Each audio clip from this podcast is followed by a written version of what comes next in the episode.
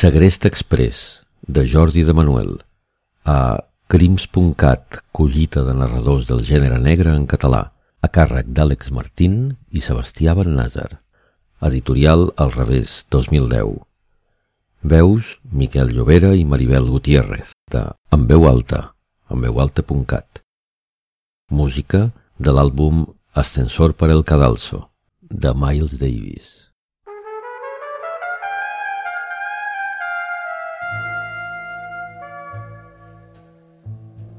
Què dius que els vas fer els teus pares? Que els vas matar mentre dormien? Va, home, va. Com vols que m'ho em passi, això? Així doncs, és veritat? Comparteixo aquesta cel·la amb un assassí? Ets el parricida de l'Eixample? El que no m'imaginava és que fossis un marrec. Em fa vergonya dir-te per què sóc aquí, saps? Però com que tu m'ho has explicat, jo també ho faré. T'aviso, és una història llarga i no sé com resumir-la. Escolta'm bé i sobretot no m'interrompis, d'acord, noi? La culpa de tot la té la crisi, perquè a mi m'anaven molt bé les coses abans, saps? Tenia una agència immobiliària. Venia i comprava pisos. Feia calarons llargs, molt més dels que et pots imaginar. Vaig començar a dur una vida còmoda. No sé si m'entens.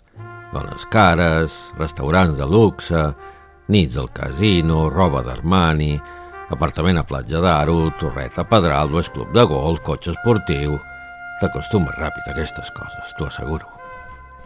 Tot m'anava bé, de fet, massa bé.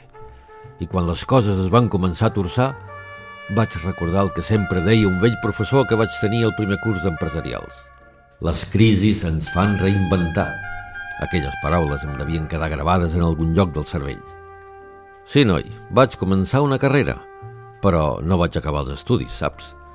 T'asseguro que en aquest món, per tenir èxit, els estudis no et fan cap falta. De debò, escolta'm bé, tan sols n'hi ha prou en tenir mala llet i una mica d'olfacte. I d'això últim no me'n falta. Només em va faltar sort. Si pogués fer córrer el temps enrere, si arribo a ensumar que arribaven vaques magres, hauria fet un raconet i no m'hauria endeutat amb aquells luxes tan innecessaris. Ara, quan hi penso, ho veig tot tan clar. El fet és que necessitava uns 500.000 per aixugar deutes. Sí, home, mig milió. No sé per què t'esveres, tampoc és tant. No tornis a interrompre'm, que em fas perdre el fil. Vaig haver de trencar-me les banyes per imaginar-me com podria aconseguir els diners. Els bancs no em volien deixar ni un cèntim. Al contrari, m'ho volien treure tot. Jo, un expert en vendre pisos, no era capaç ni de treure'm de sobre preu de saldo l'apartament a peu de platja. El cotxe esportiu nou de trinca no em donava ni el que valien les rodes, imagina. Al final vaig haver de desfer-me de totes les accions que s'havien devaluat fins a una quarta part del preu que m'havien costat. Un desastre, noi. Però almenys això em va permetre tapar forats i guanyar temps. Em sentia tan malament, tan fracassat, que vaig haver de començar a pensar que els diners només els podria aconseguir amb una operació il·legal. Jo, que sempre havia jugat net amb els pisos. Bé, net, el que es diu net del tot, tampoc, perquè alguna vegada havia ajudat a blanquejar calarons – de tant en tant també enredava algun incaut, sobretot dones grans, pobrissones, que malvenien el pis on havien viscut tota la vida per anar a morir-se soles a una residència. No sé per què m'arrufes el nas, ara, com si tu fossis un sant. Vaig tenir una idea interessant. Fixa't, feia temps que havia seguit amb interès als diaris i a la televisió la captura de El Solitario, aquell atracador de bancs que havia pelat dos guàrdies civils i un policia – em fascinava el que havia arribat a fer tot sol aquell home, sense còmplices. Em seduïa com atracava els bancs, disfressat, amb perruca i amb veu impostada. Però jo mai havia estat un bon actor, llevat a l'hora de vendre pisos, naturalment. Com vaig saber que un empresari lleidatà se m'havia avançat, que havia intentat imitar l'estil del famós atracador i que l'havien enxampat en un tres i no res, se'm va treure del cap la idea d'atracar bancs. I fixa't que fins i tot ja m'havia comprat una barba postissa, Desil·lusionat, vaig haver d'empescar-me una operació alternativa. vaig documentar-me sobre una pràctica que es donava amb certa freqüència en alguns països sud-americans i que només ocasionalment s'havia practicat a casa nostra. El procediment el vaig trobar relativament senzill. Triar una víctima rica, amb una família discreta, disposada a pagar. Retenir-la i tenir un bon lloc per amagar-la durant dos o tres dies i, evidentment, espantar prou tothom com per fer creure que estava disposat a matar-la si no afluixaven la mosca. I aquest sospir? Que potser t'avorreixo, nano? Per on anava? Ah, sí. Vaig repassar la meva cartera de clients. Vaig trobar almenys tres candidats, entre els quals el senyor Valentí Rius em va semblar el millor. Rius era un empresari de poc més de 50 anys que havia estat capaç de pagar un milió cent mil. Les cent mil eren la meva comissió per un àtic a la Vila Olímpica amb vistes al mar. L'home estava casat amb una dona discreta, lletja com un pecat, i si fa no fa de l'edat d'ell. No tenien fills, fet que encara el feia més idoni, perquè els fills sempre ho acaben emmerdant tot. I si no em creus, fixa't amb tu, noi. Tres anys enrere havia pagat el pis en efectiu, amb bitllets de 500, que duien un maletí negre. Recordava perfectament el dia que van fer el pagament. Van venir tots dos, l'home i la dona, i vam realitzar la transacció en una cambra situada al racó més fosc de la notaria. Vaig deduir que la dona no quedava al marge dels negocis, que estava acostumada a tocar i a veure bitllets. Durant tres setmanes vaig estar observant els hàbits del matrimoni Reus. M'hauria agradat estudiar-los més temps, però els deutors cada dia m'apremiaven. Cada matí l'home conduïa un sap de color blau fosc, Sortia a dos quarts de deu en punt d'un pàrquing del carrer Joan Oliver. S'aturava el semàfor de Salvador Espriu i, passada la plaça dels voluntaris, enfilava la ronda litoral direcció Llobregat. Sempre tornava al voltant de les 3 de la tarda. Dinava a casa i a la tarda tornava a sortir a dos quarts de cinc en punt amb un BMW negre que tenia aparcat al costat del SAP. Feia el mateix recorregut inicial, però en lloc d'enfilar la ronda, girava a mà dreta per Marina. I jo què sé perquè cada dia utilitzava dos cotxes diferents. T'aviso per última vegada. Si em tornes a interrompre, s'ha acabat. L'home tornava a casa invariablement al voltant de les 9 del vespre. Vaig seguir un parell de matins. Anava fins a un edifici de Mercabarna, una mena de nau industrial, de la qual no sortia fins a dos quarts de tres.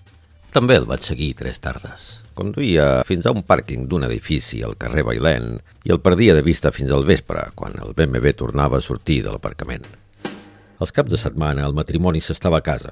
Sortien a dinar diumenge i sempre anaven al mateix restaurant del Port Olímpic. Rius era un home de costums fixos i vaig pensar que això em facilitaria la feina. Vaig investigar què hi havia a la nau de Mercabarna. Era un magatzem d'una distribuïdora de llibres on tot sovint entraven i sortien camionetes blanques. No tenia ni idea que la gent llegís tant. Per cert, a tu t'agrada llegir? Ah, m'ho imaginava. Fas bé en no llegir llibres. Tan sols t'omplirien el cap d'ocells i et distraurien de les coses importants d'aquesta vida. Saps? No recordo haver acabat mai un llibre. Ni els que em feien llegir a l'escola i a l'institut, ni els que em recomanaven a la universitat. Recordo que vaig tenir una nòvia que no parava de llegir. Una noia força estranya amb qui aviat vaig partir peres. Què et deia? Ah, sí. També vaig intentar esbrinar què feia el senyor Rius a les tardes, però no vaig aconseguir saber què anava a fer aquell edifici del carrer Bailén. Potser eren les oficines de la distribuïdora de llibres. El que era improbable és que tingués un amant o una cosa per l'estil, perquè els tres dies que hi vaig anar vaig veure que sortia de l'edifici amb un home panxut a fer un cafè en un bar de la cantonada i en acabat tornava enxinoxant cap a l'edifici. Després de rumiar-ho molt, vaig pensar que el millor lloc per capturar en Valentí Rius era el pàrquing de l'edifici on vivia, quan arribés al vespre amb el BMW. Jo conservava un comandament per obrir les portes corredisses dels aparcaments, de quan venia pisos a la Vila Olímpica, i a més a més em coneixia els pàrquings subterranis com el palmell de la mà perquè amb la venda de pis acostumàvem a oferir com a reclam una plaça de pàrquing rebaixada de preu. El més difícil era decidir-me on ficar aquell home després d'haver-lo capturat. El millor hauria estat un amagatall subterrani, però no en tenia cap a mà. En canvi, encara disposava de les claus d'unes golfes al passeig Colom que no havia pogut vendre. Era un espai de 30 metres quadrats, Segurament massa acollidor per aquell fi, amb una sola finestra petita i una porta blindada amb dues baldes a prova d'escarpa i martell. Tot insonoritzat, ja que el propietari anterior era un trompetista de l'orquestra del Liceu. Els dos pisos de sota estaven desocupats. No era el soterrani que hauria desitjat, però el lloc era adequat per retenir secretament una persona durant un parell o tres de dies. Vaig fer una llista de coses que necessitaria. Guants de làtex, pistola, rotllos d'esparadrap, cordes de niló, ampolles d'aigua, ulleres negres, roba, queviures, un matalàs, paper de vàter, un telèfon mòbil nou amb targeta de prepagament. La barba de mentida ja la tenia. Que com vaig aconseguir la pistola? Fàcil, home, molt fàcil. El meu pare havia estat jutge d'atletisme i jo sabia on desava la pistola de fogueig amb la qual engegava el tret de sortida de les curses. Només quan ho vaig tenir tot, vaig començar a planificar acuradament una de les parts més delicades de l'operació, la captura de Valentí Rius. Era un home voluminós, però de complexió més aviat tova. No sé si m'entens. D'aquells individus que quan els fas una encaixada la mà se't fon entre els dits. La veu, en canvi, tot i ser lleugerament afeminada, es notava que era la d'un home acostumat a manar. Temia que si el deixava parlar més del compte no aconseguiria capturar-lo. Si volia tenir èxit, havia d'actuar amb contundència, fermesa i convicció des del primer moment. Contundència, fermesa i convicció. Aquestes eren les meves úniques eines quan comprava i venia pisos. Això sí que ho sabia fer bé. No em miris així, Ara he perdut el fil. Per on anava? Ah, sí, que havia planificat com capturaria en Valentí Rius. Doncs fixa't bé. Faria servir el meu comandament per baixar a peu al pàrquing. Allí l'esperaria rere una columna, al costat del SAP. Ell arribaria a l'aparcament amb el BMW. I tan bon punt baixés del cotxe es trobaria encanonat per un desconegut amb barba, la meva disfressa de El Solitario, que l'obligaria a tornar a ficar-se al cotxe. M'asseuria just rere seu, sense treure-li la pistola del clatell. Sortiríem de l'aparcament i aniríem directament fins al pàrquing del Passeig Colom, el que hi ha sota l'escultura de la gamba. Que no és una gamba? Fes el favor de callar i escolta, noi! Després, en sortir de l'aparcament, li posaria unes ulleres negres, d'aquelles que donen als miops que els operen els ulls. L'acompanyaria del bracet, mentre amb l'altra mà li clavaria les costelles al canó de la pistola, dissimulada entre una caçadora plegada. Faríem una caminadeta erràtica pel passeig perquè, malgrat tot, no pogués explicar mai a ningú quina era l'escala i el pis on el duria. Quan el tingués a les golfes, li explicaria el meu propòsit. Sortir sa i estalvi li costaria 2.200.000 en efectiu, amb bitllets usats de 500. Em va costar decidir la xifra, però, per la meva experiència amb la compra i venda de pisos, sabia que calia inflar el preu per tenir marge per negociar havia decidit que no el deixaria lliure per menys de dos milions. Vaig pensar que l'home havia de valdre almenys el doble del que li havia costat el pis. La primera fase de l'operació va anar com una seda. Si més no, així ho pensava. Vaig sentir el xerric que feien les rodes del BMW d'en Valentí Rius dos minuts abans de les nou. Jo m'ocultava rere una columna de ciment i instintivament em vaig dur una mà a la barba postissa, mentre amb l'altra premia la pistola. Tan bon punt obrir la porta del vehicle, li vaig posar l'arma de fogueig al cap i vaig amenaçar-lo amb una veu greu, seca. Tornis a ficar dins del cotxe. Si parla o xiscla, és home mort. Va funcionar l'amenaça i l'home, visiblement alterat, va conduir fins al passeig Colom fins que el vaig fer enfilar la rampa de l'aparcament públic subterrani del passeig. Després li vaig ordenar que es posés aquelles ulleres fosques i grosses amb les quals veuria menys que un sec. Tal com havia planejat, van caminar una estona plegats, una tocada a l'altra, abans d'entrar al portal on hi havia les golfes. Tan sols li vaig treure la pistola dels ronyons quan van pujar amb ascensor. Un cop a dalt, li vaig ordenar que s'estirés a terra. Va ser llavors quan em vaig adonar que s'havia orinat. Sí, noi, per sort només s'havia orinat. Doncs a tu què et sembla? Em vaig asseure en una cadira amb el raspaller al pit i sense deixar d'apuntar-lo, li vaig dir que s'aixequés i es canviés amb una muda de roba neta que jo havia tingut la precaució de dur. Què et creus? Havia pensat en tot, jo. Era un pla intel·ligent i net, el meu. Les finestres les havia tapiat amb planxes de fusta i no hi havia manera que es comuniqués amb l'exterior. El vaig lligar de mans i li vaig formar un peu en una columna que hi havia al mig de l'estança. Els seus moviments eren molt limitats. Tan sols podia moure's en cercle en un radi de dos metres. Sí, com si fos un gos, però vols callar d'una vegada? Li vaig apropar el plat de menjar precuinat que havia escalfat amb el microones. Em va demanar més. No et pots imaginar com menjava aquell home. En lloc de treure-li la gana, la situació l'afamava. Vaig apropar el matalàs a la columna i encara que et costi creure-ho, tan bon punt es va estirar, va començar a roncar. Havia decidit que faria la trucada l'endemà a primera hora. Sabia que si deixava passar més temps, la seva dona acudiria a la policia. Espera, noi, no siguis tan impacient. L'endemà, quan es va despertar, semblava que no recordés res del que havia passat. En veure mig adormit al sofà de les golfes i adonar-se que estava lligat, va recuperar tot d'una la memòria. Vaig badallar. Em vaig fregar els ulls i vaig agafar el telèfon per trucar. La meva dona, la meva esposa està malalta del cor i no pot suportar cap disgust. Vagi en compte amb el que li dirà. Recordo perfectament què li vaig dir, perquè ho tenia apuntat en un full i m'ho sabia de memòria. El text anava al gra i utilitzava el plural per fer-me passar per una banda organitzada. Vaig teclejar el número dels rius i amb un mocador davant la boca vaig fingir una veu aspra. Senyora Rius, si vol tornar a veure el seu marit sa i estalvi, ens haurà de pagar 2.200.000 euros. Disposa exactament de 24 hores per aconseguir els diners. No cal que li diguem que si truca la policia no el tornarà a veure mai més. Contundència, fermesa i convicció. Aquests eren els qualificatius del meu missatge. Vaig esperar que la dona digués alguna cosa.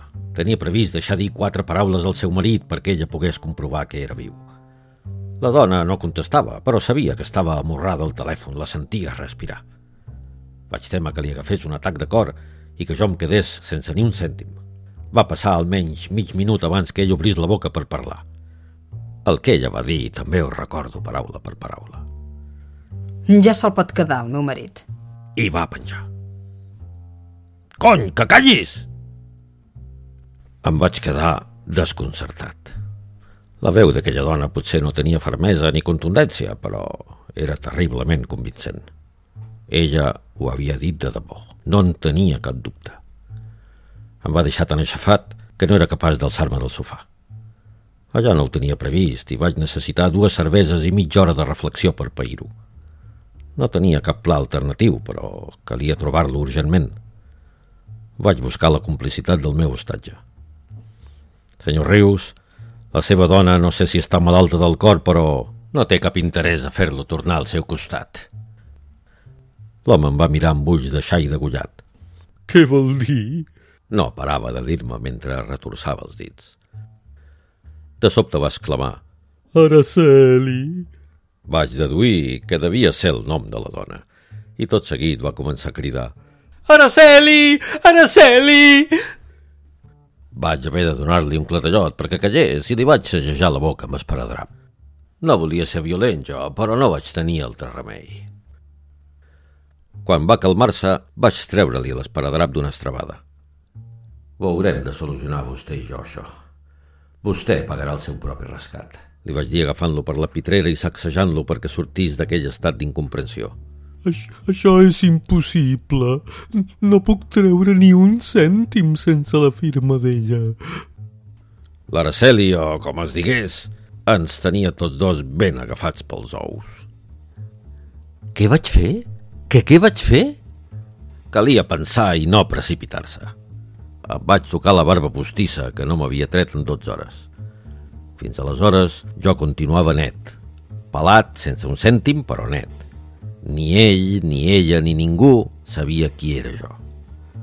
Vaig sortir de les golfes i vaig tancar amb clau. Necessitava l'aire fresc del carrer. Feia un dia rúfol i caminava sense nord. Em vaig trobar enfilant la rambla, aturant-me davant cada mim. Disfressats, quiets com estàtues. Admirava la capacitat que tenien d'aguantar immòbils i intentava trobar en ells la resposta al meu problema. En arribar a la plaça Catalunya vaig seure en una terrassa i vaig demanar un cafè. Hauria de fer com les estàtues humanes.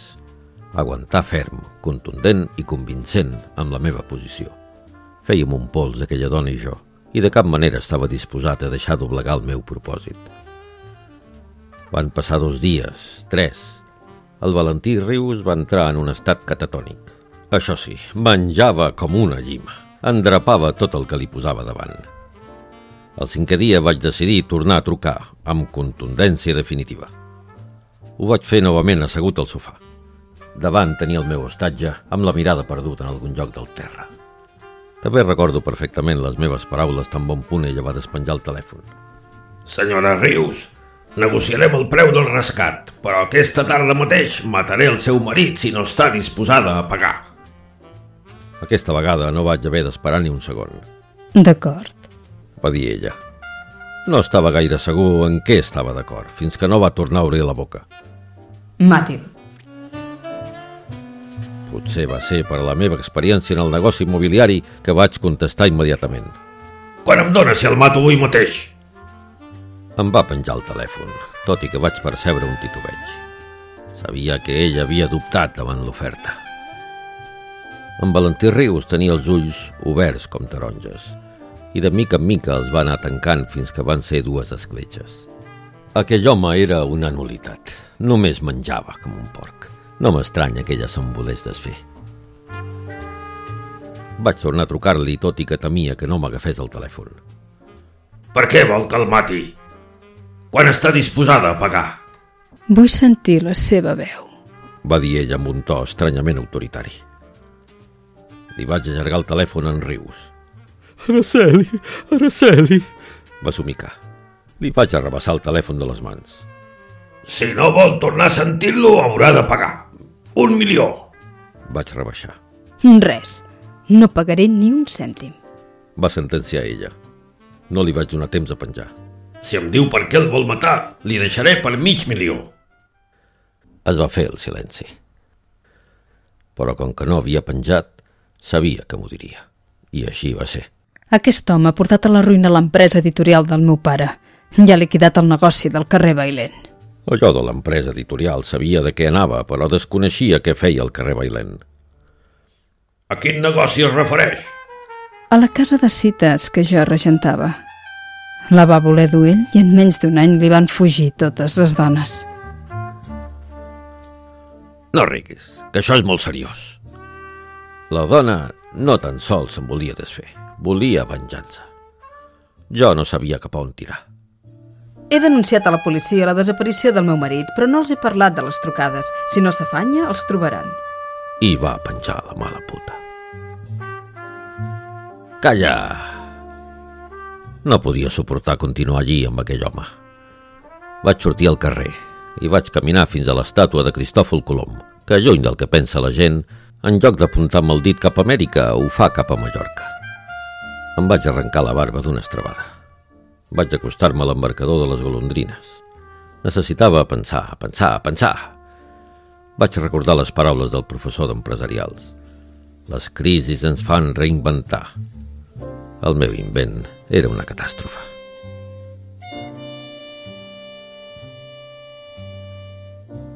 És un somriure, això que et veig als llavis, nano? Vaig començar a recórrer les farmàcies de Ciutat Vella fins que vaig aconseguir que em venguessin un tub de somnífers. No va ser fàcil. Vaig haver de posar en joc les meves habilitats per enredar els clients amb un farmacèutic incaut. Aquella nit vaig disposar l'acte final del meu pla alternatiu. En Valentí Rius va tenir un instant de dubte quan em va veure sense barba. S'ha afaitat? Va xiuxiuejar el molt beneit. Endrapava tot el que li posava davant sense miraments. Havia comprat unes croquetes de bacallà precuinades i després de treure-les del microones vaig anar entaforant dissimuladament a les croquetes les pastilles de mig tub de somnífers. La resta de píndoles les vaig trinxar i les vaig dissoldre a la llet amb colacao que sempre es prenia ben sopat. L'home es va dormir, com de costum, després del got de llet. Al matí no es va despertar. No t'han dit mai que ets un insolent, noi? Sí que el vaig matar, però li vaig oferir una mort plàcida, dolça.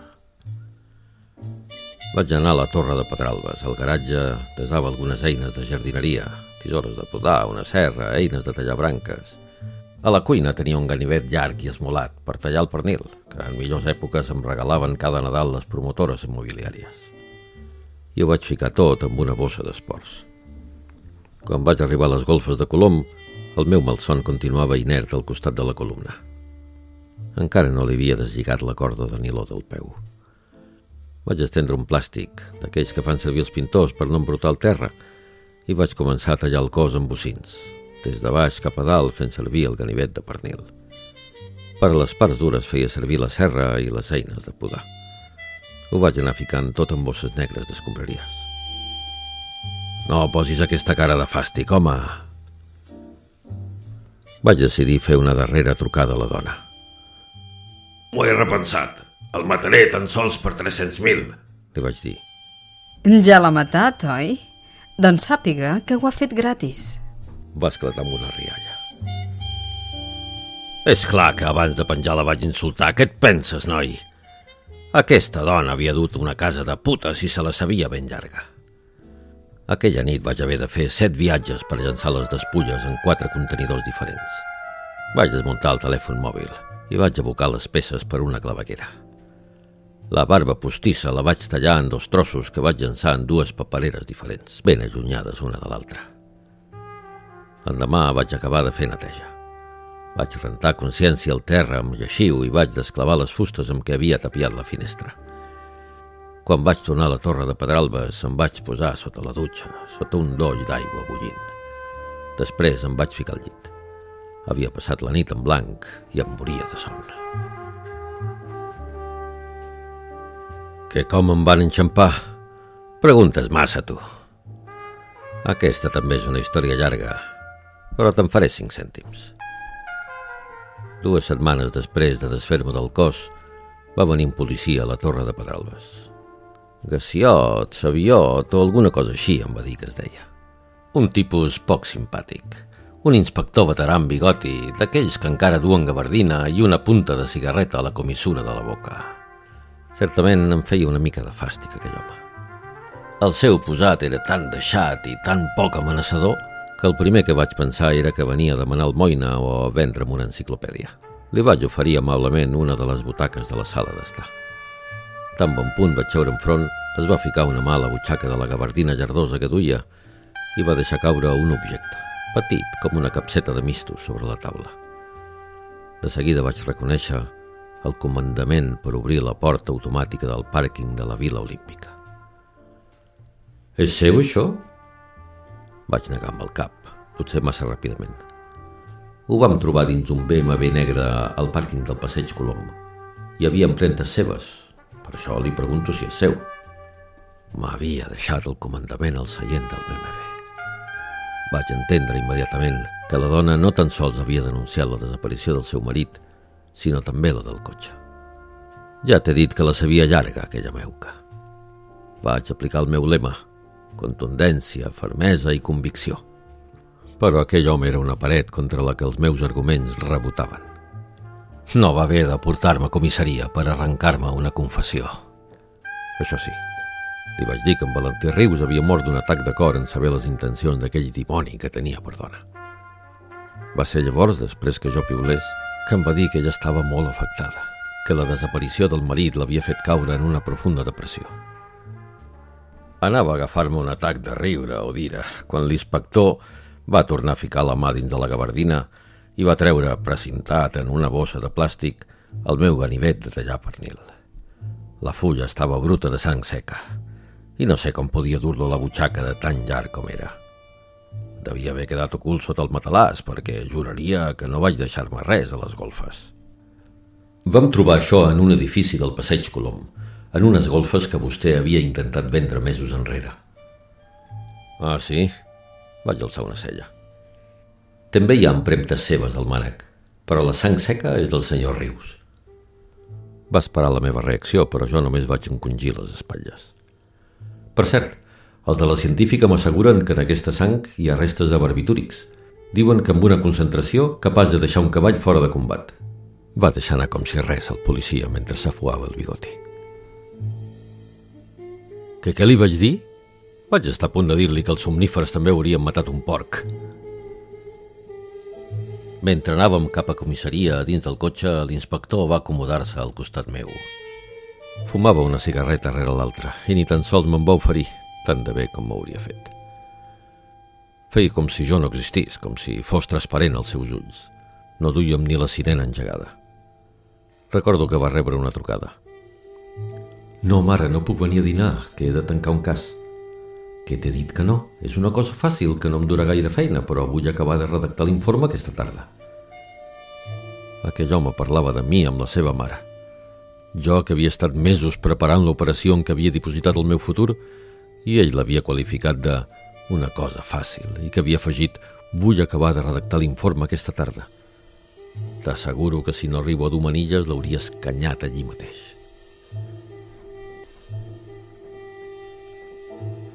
Què dius ara? Que tu et van portar amb un furgó policial a tot drap i amb les sirenes posades i un mosso d'esquadra a cada costat? A mi m'hauria agradat que en lloc dels nacionals m'haguessin detingut els Mossos, que són més de casa, no sé com dir-ho.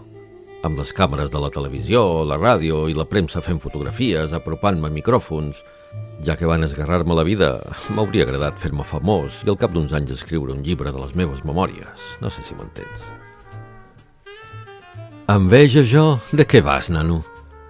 Escolta, jo t'he explicat amb detalls el com i el per què, però tu no m'has dit com vas assassinar els teus vells mentre dormien, ni per què ho vas fer. Suposo que no voldràs que m'esperi que hagis escrit un llibre per saber-ho, oi? No pot ser, noi. Em costa imaginar que, a més a més d'estar sonat, siguis un monstre. No em puc creure que els matessis perquè es queixaven del soroll espantós que feies, i tampoc me'n passo que els esclafessis el crani amb la guitarra elèctrica que et van dur els reis. No sé on anirem a parar amb gent com tu.